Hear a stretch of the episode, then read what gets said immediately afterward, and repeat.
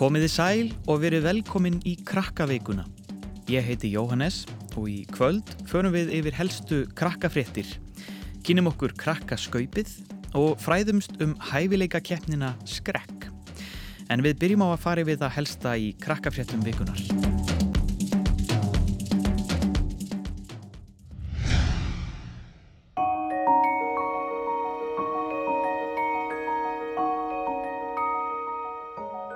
Krakkar sem verða fulltrúar á barnaþingi í lok november hittu ráðherra úr ríkistjórn Íslands á alþingi á miðugudag.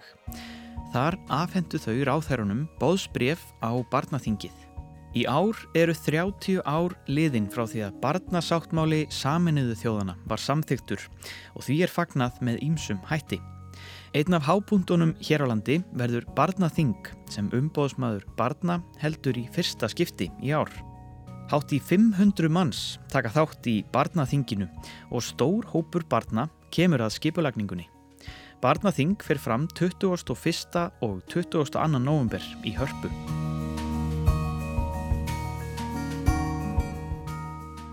Og barnasáttmáli saminuði þjóðana kom meira við sögu í síðustu viku.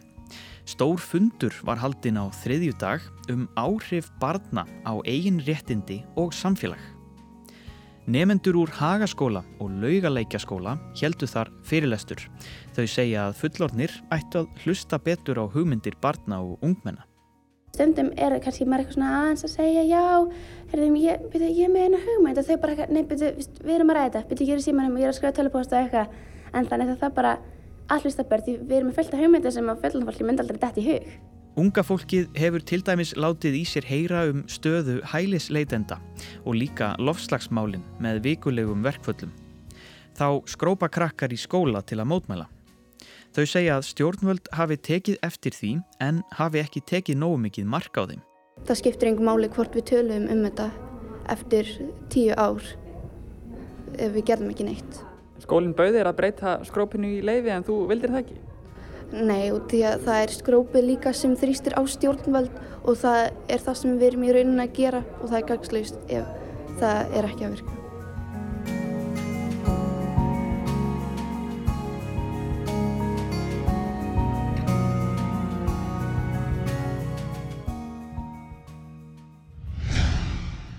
Á laugardaginn myndust margir þess að 30 ár eru liðin frá því að Berlínarmúrin var rifin. Sá atbyrður er með þeim þekktustu í sögunni á 20. öld. Árið 1945 laug setni heimstyröldinni. Þískalandi sem gafst upp í stríðinu var skipt á milli sigurvegarana. Vesturlutti landsins var yfirraðasvæði Bretlands, Fraklands og Bandaríkjana og Sovjetríkin stjórnuðu austurhlutanum. Höfuðborginni Berlín var líka skipt í tvent og árið 1961 var reistur múr til þess að aðgreina borgarhlutana. Það var líka gert til að koma í veg fyrir að fólk flyttist á milli, aðalega frá austri til vesturs. Sovjetríkin og Bandaríkin voru bandamenn í stríðinu. Þegar því laug voru þau helstu stórveldi heims og tókust á um völd víða í heiminum.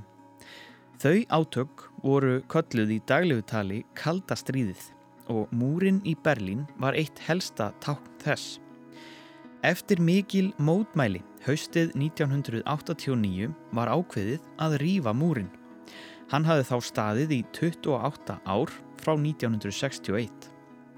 Brot úr Berlínamúrnum hafa verið gefin löndum víða um heim og árið 2015 fengu Íslendingar brot úr honum til minningar um þennan merkilega atburð.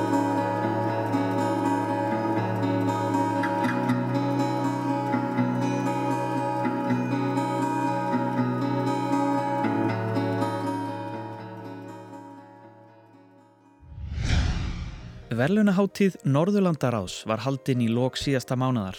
Tveir verlunahafana ætla ekki að taka við verlunafínu. Greta Thunberg hlaut umhverfis verlun Norðurlandaráðs. Hún fekk þau fyrir að hvetja miljónir um allan heim til að krefjast aðgerða í lofslagsmálum. Greta komst ekki sjálf á háttíðina en verkfallsnemar, eins og þau kölluðu sig, tilkynntu fyrir hönd Gretu að hún ætlar ekki að taka við velununum. Hún segir að lofslags hreyfingin þurfi ekki á fleiri verðlaunum að halda og stjórnmálamenn og almenningur ættu frekar að grípa til aðgerða. Jónas Æka, sem hlaut bókmentavelun Norlandaráðs, vakti mjög mikla aðtegli fyrir sína ræðu.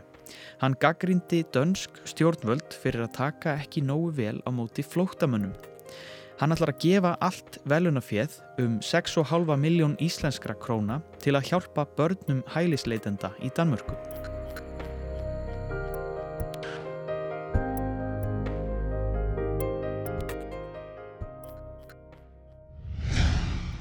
Skjaldböku sem bjargað var við strendur Írlands hefur nú verið komið til síns heima. Ferðalagið var langt en skjaldbakan syndi ekki, heldur flögun. Fimm ára risa sæskjaldböku rak á land við strendur Írlands eftir mikið óveður í síðasta mánuði. Sæskjaldbökur lifa í heitari sjó en er við strendur Írlands og þessi á heima í sjónum við Kanaríegar sem er um 4000 km sunnar en Írland. Hún syndi ekki heim, heldur var farið með hana í flug í sérstöku búri sem heldur henni heitri og rakri. Rísasæskjaldbökur eru á lista yfir dýr í útrýmingarhættu. Er geta orðið alltaf 70 ára og þessi litla skjaldbaka á þess vegna langa æfi framöndan.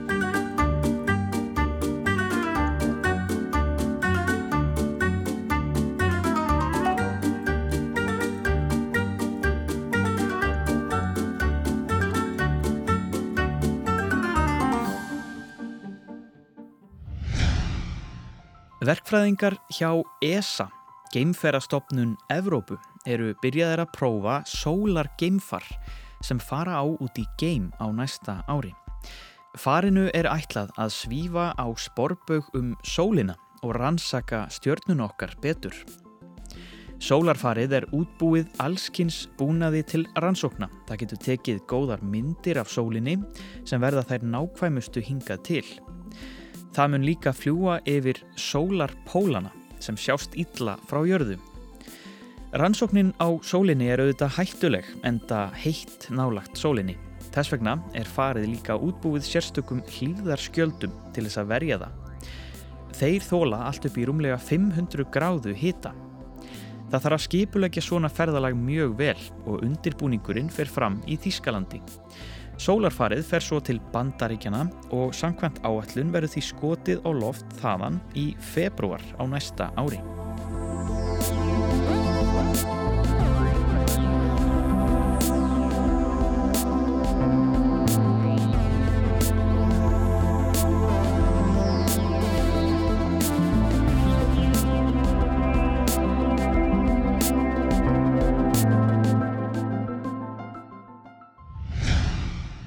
Einni stærstu tónlistarháttíð á Íslandi, Æsland Airwaves, laugum helgina.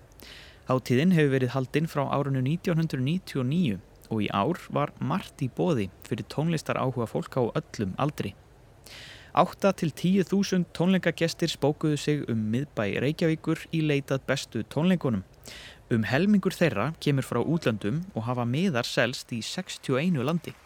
Um 150 flytjandur komu fram á hátíðinni í ár og tónleikarnir voru samtals 200. Í Norrænahúsinu var bóðið upp á Airwaves Barnana. Þar var ímislegt í bóði fyrir tónelska krakka og fjölskyldur þeirra.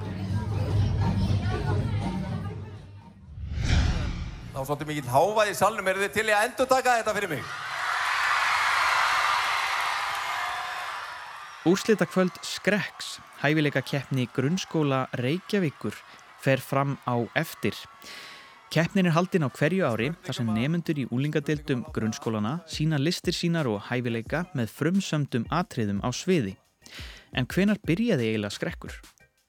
Keppnin var fyrst haldinn í Háskóla Bíói 1990 og 1991.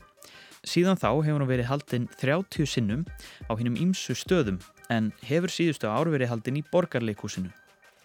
Allir grunnskólar með unlingadeild geta sendt eitt atriði í keppnina. Skólarnir keppa á þremur undan úrslitakvöldum og keppnin nær hámarki á úrslitakvöldinu. Keppnin fer þannig fram að hver skóli fær 7 mínútur á sviði og heildar fjöldi keppenda er 35. þar með talin þau sem sjáum ljós, hljóð og förðun. Frá því að fyrsta skrekksháttíðin var haldinn hafa þúsundir unlinga tekið þátt og margir þekktir Íslendingar eru þar á meðal. Sumir unnu keppnina, aðrir ekki, en það er auðvitað ekki það eina sem skiptir máli. Þú veist, ég var með eina línu sem að hérna fekk mig til þess að stressast allan upp og ég man eftir að lappa inn á sviði í borgarleikusinu og hérna og ég sá bara svart. Ég var mikill lúði, svona mikill nörd í grunnskóla og gagfræðaskóla. Þannig einhvern veginn fekk ég tækifæri til þess að blómstra rosa mikið. Og fyrir mig að vinna skrekk var meiri hátar viðurkynning og það var svona eins og vítamín sprauta inn í mitt líf og mitt sjálfströst og mína sjálfsmynd. Þegar ég stigi upp sko þá hérna byrjar bandið að spila Wu-Tang Clan í nöfnu Fuck With. Og það sem að gerist er að ég frýs bara í svona 20 sekundir vil ég ekki, ekki vel. En þú veist þetta er ekki kannski svona vanlega en þetta var bara þú veist maður í áttunabæk þú veist 15 ára skoðanir annar að skipta öllu máli þannig að Skemmtilegasta mómenti í skrekk var náttúrulega bara Sigurverðinir árbæðaskóli sko. Það var, það var það skemmtilegasta sem ég upplifað enda tók ég eitthvað bara hopp eins og ég væri í sko olimpíska landsliðinu af því að þetta, ég hef ekki séð svona hopp hjá neinum áður, þetta var að forsið fréttablaðinsins og morgunblaðinsins og ég var bara eitthvað svona í einhverju maníu og ég hoppaði svo hátt, ég hoppaði bara yfir einhvern sko. Ég uppliði það mjög stert þarna að ég klúraði aðtriðin og ég teg mínu línu og bara í vinningunni og þetta er svo hrigalegt sko. Þetta er það er allavega, það eru mörg þúst úlingar og þau bregðast bara við bara svona aaaah og þetta er það sem situr eftir er kjánarhöllurinn sem að mörg þúsund úrlingar fengu þegar ég söng mínu línu og náttúrulega sjálfsög unnu vekki. Nú hefur verið valinn dómnemnd sem fer yfir skrekksatriðin og velur þau bestu. En hvernig dæmi maður eiginlega í skrekk?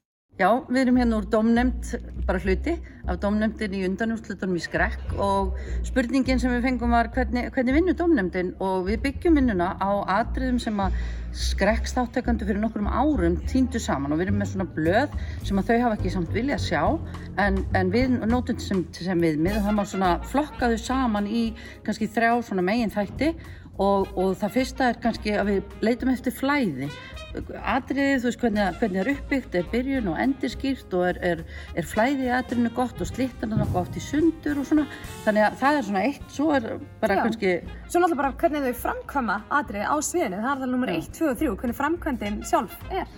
Já, og þá er það náttúrulega söngur og hljóðfæruleikur og dans og ýmislegt sem að þarf að takast vel. Já, og svo er það hérna við þetta erum að leita þetta að frumleika og, og að, að það sé tekin svona áhætta og það sé verið að setja fram hluti kannski sem að þeim er á hjarta en, en á svolítið nýjan hátt í hvers skipti og svo er þetta Já, það er bara váfaktorinn, það er bara þetta Já. að finna þetta svona, vá hvað það er flott. þannig verið summan af öllum sem taka þátt einhvern veginn stærri heldur en þau eru. the pieces of my life without you on my mind. I'm still standing. Í ár er skrekkur haldinn í 30. skipti og átta skólar keppa til úrslita. 24 skólar tóku þátt á þremur undan úrslita kvöldum sem haldinn voru í síðustu viku á stóra sviði borgarleikusins. Átta skólar komist svo í úrslit. Það eru Árbæjarskóli, Háteksskóli, Hagaskóli, Hlíðaskóli, Breiðholtskóli og Réttarholtskóli. Tvö atriði voru valin til viðbótar af domnemnd og í ár voru það Laugaleikaskóli og Seljaskóli.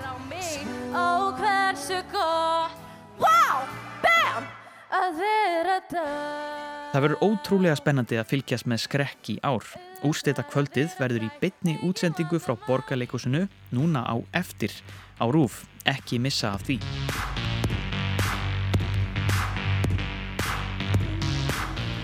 Og horfum í sólina sperð Þá er meira að sjá En sjá nokkur má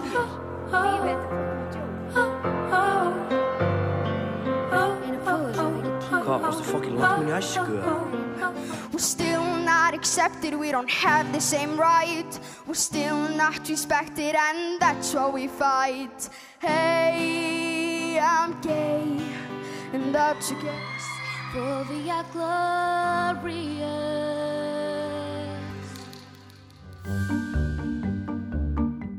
Eitt að lokum. Krakkaskaupið er fastur liður í áramóta dagskrá RÚF. Þá sjá krakkar alfarið um að segja brandara um allt það skemmtilega og skrítna sem gerðist á árinu. Og í ár verður nóg af gríni og glensi sem þau Mikki og Berglind ætla að stýra.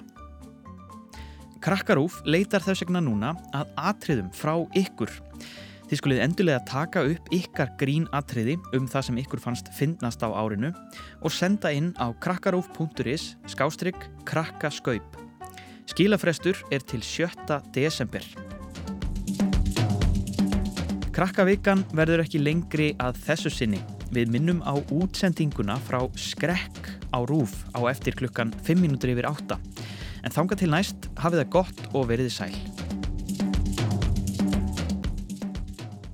Skiptir ekki máli fyrir mig að þetta hér sé ekki standardinn sama þó ég sé ekki inn því ég finn bara ekki neina löngun til þess. Alla ekki að vera á sama stað en okkur með sama hvað þið finnst um það. Og ég verð að upplifa með þið lífin ekki annara Til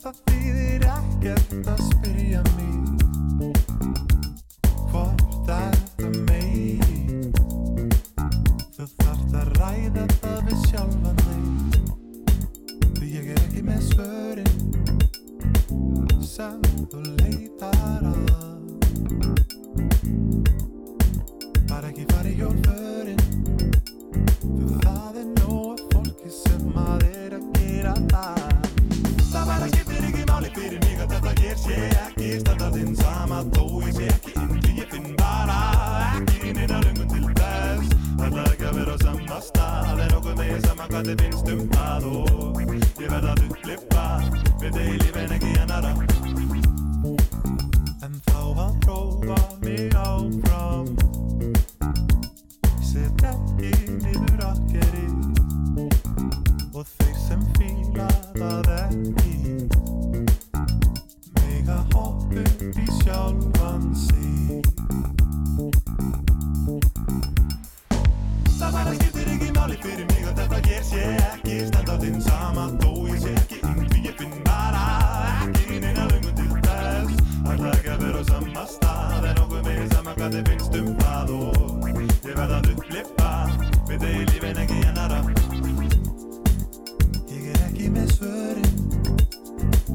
sem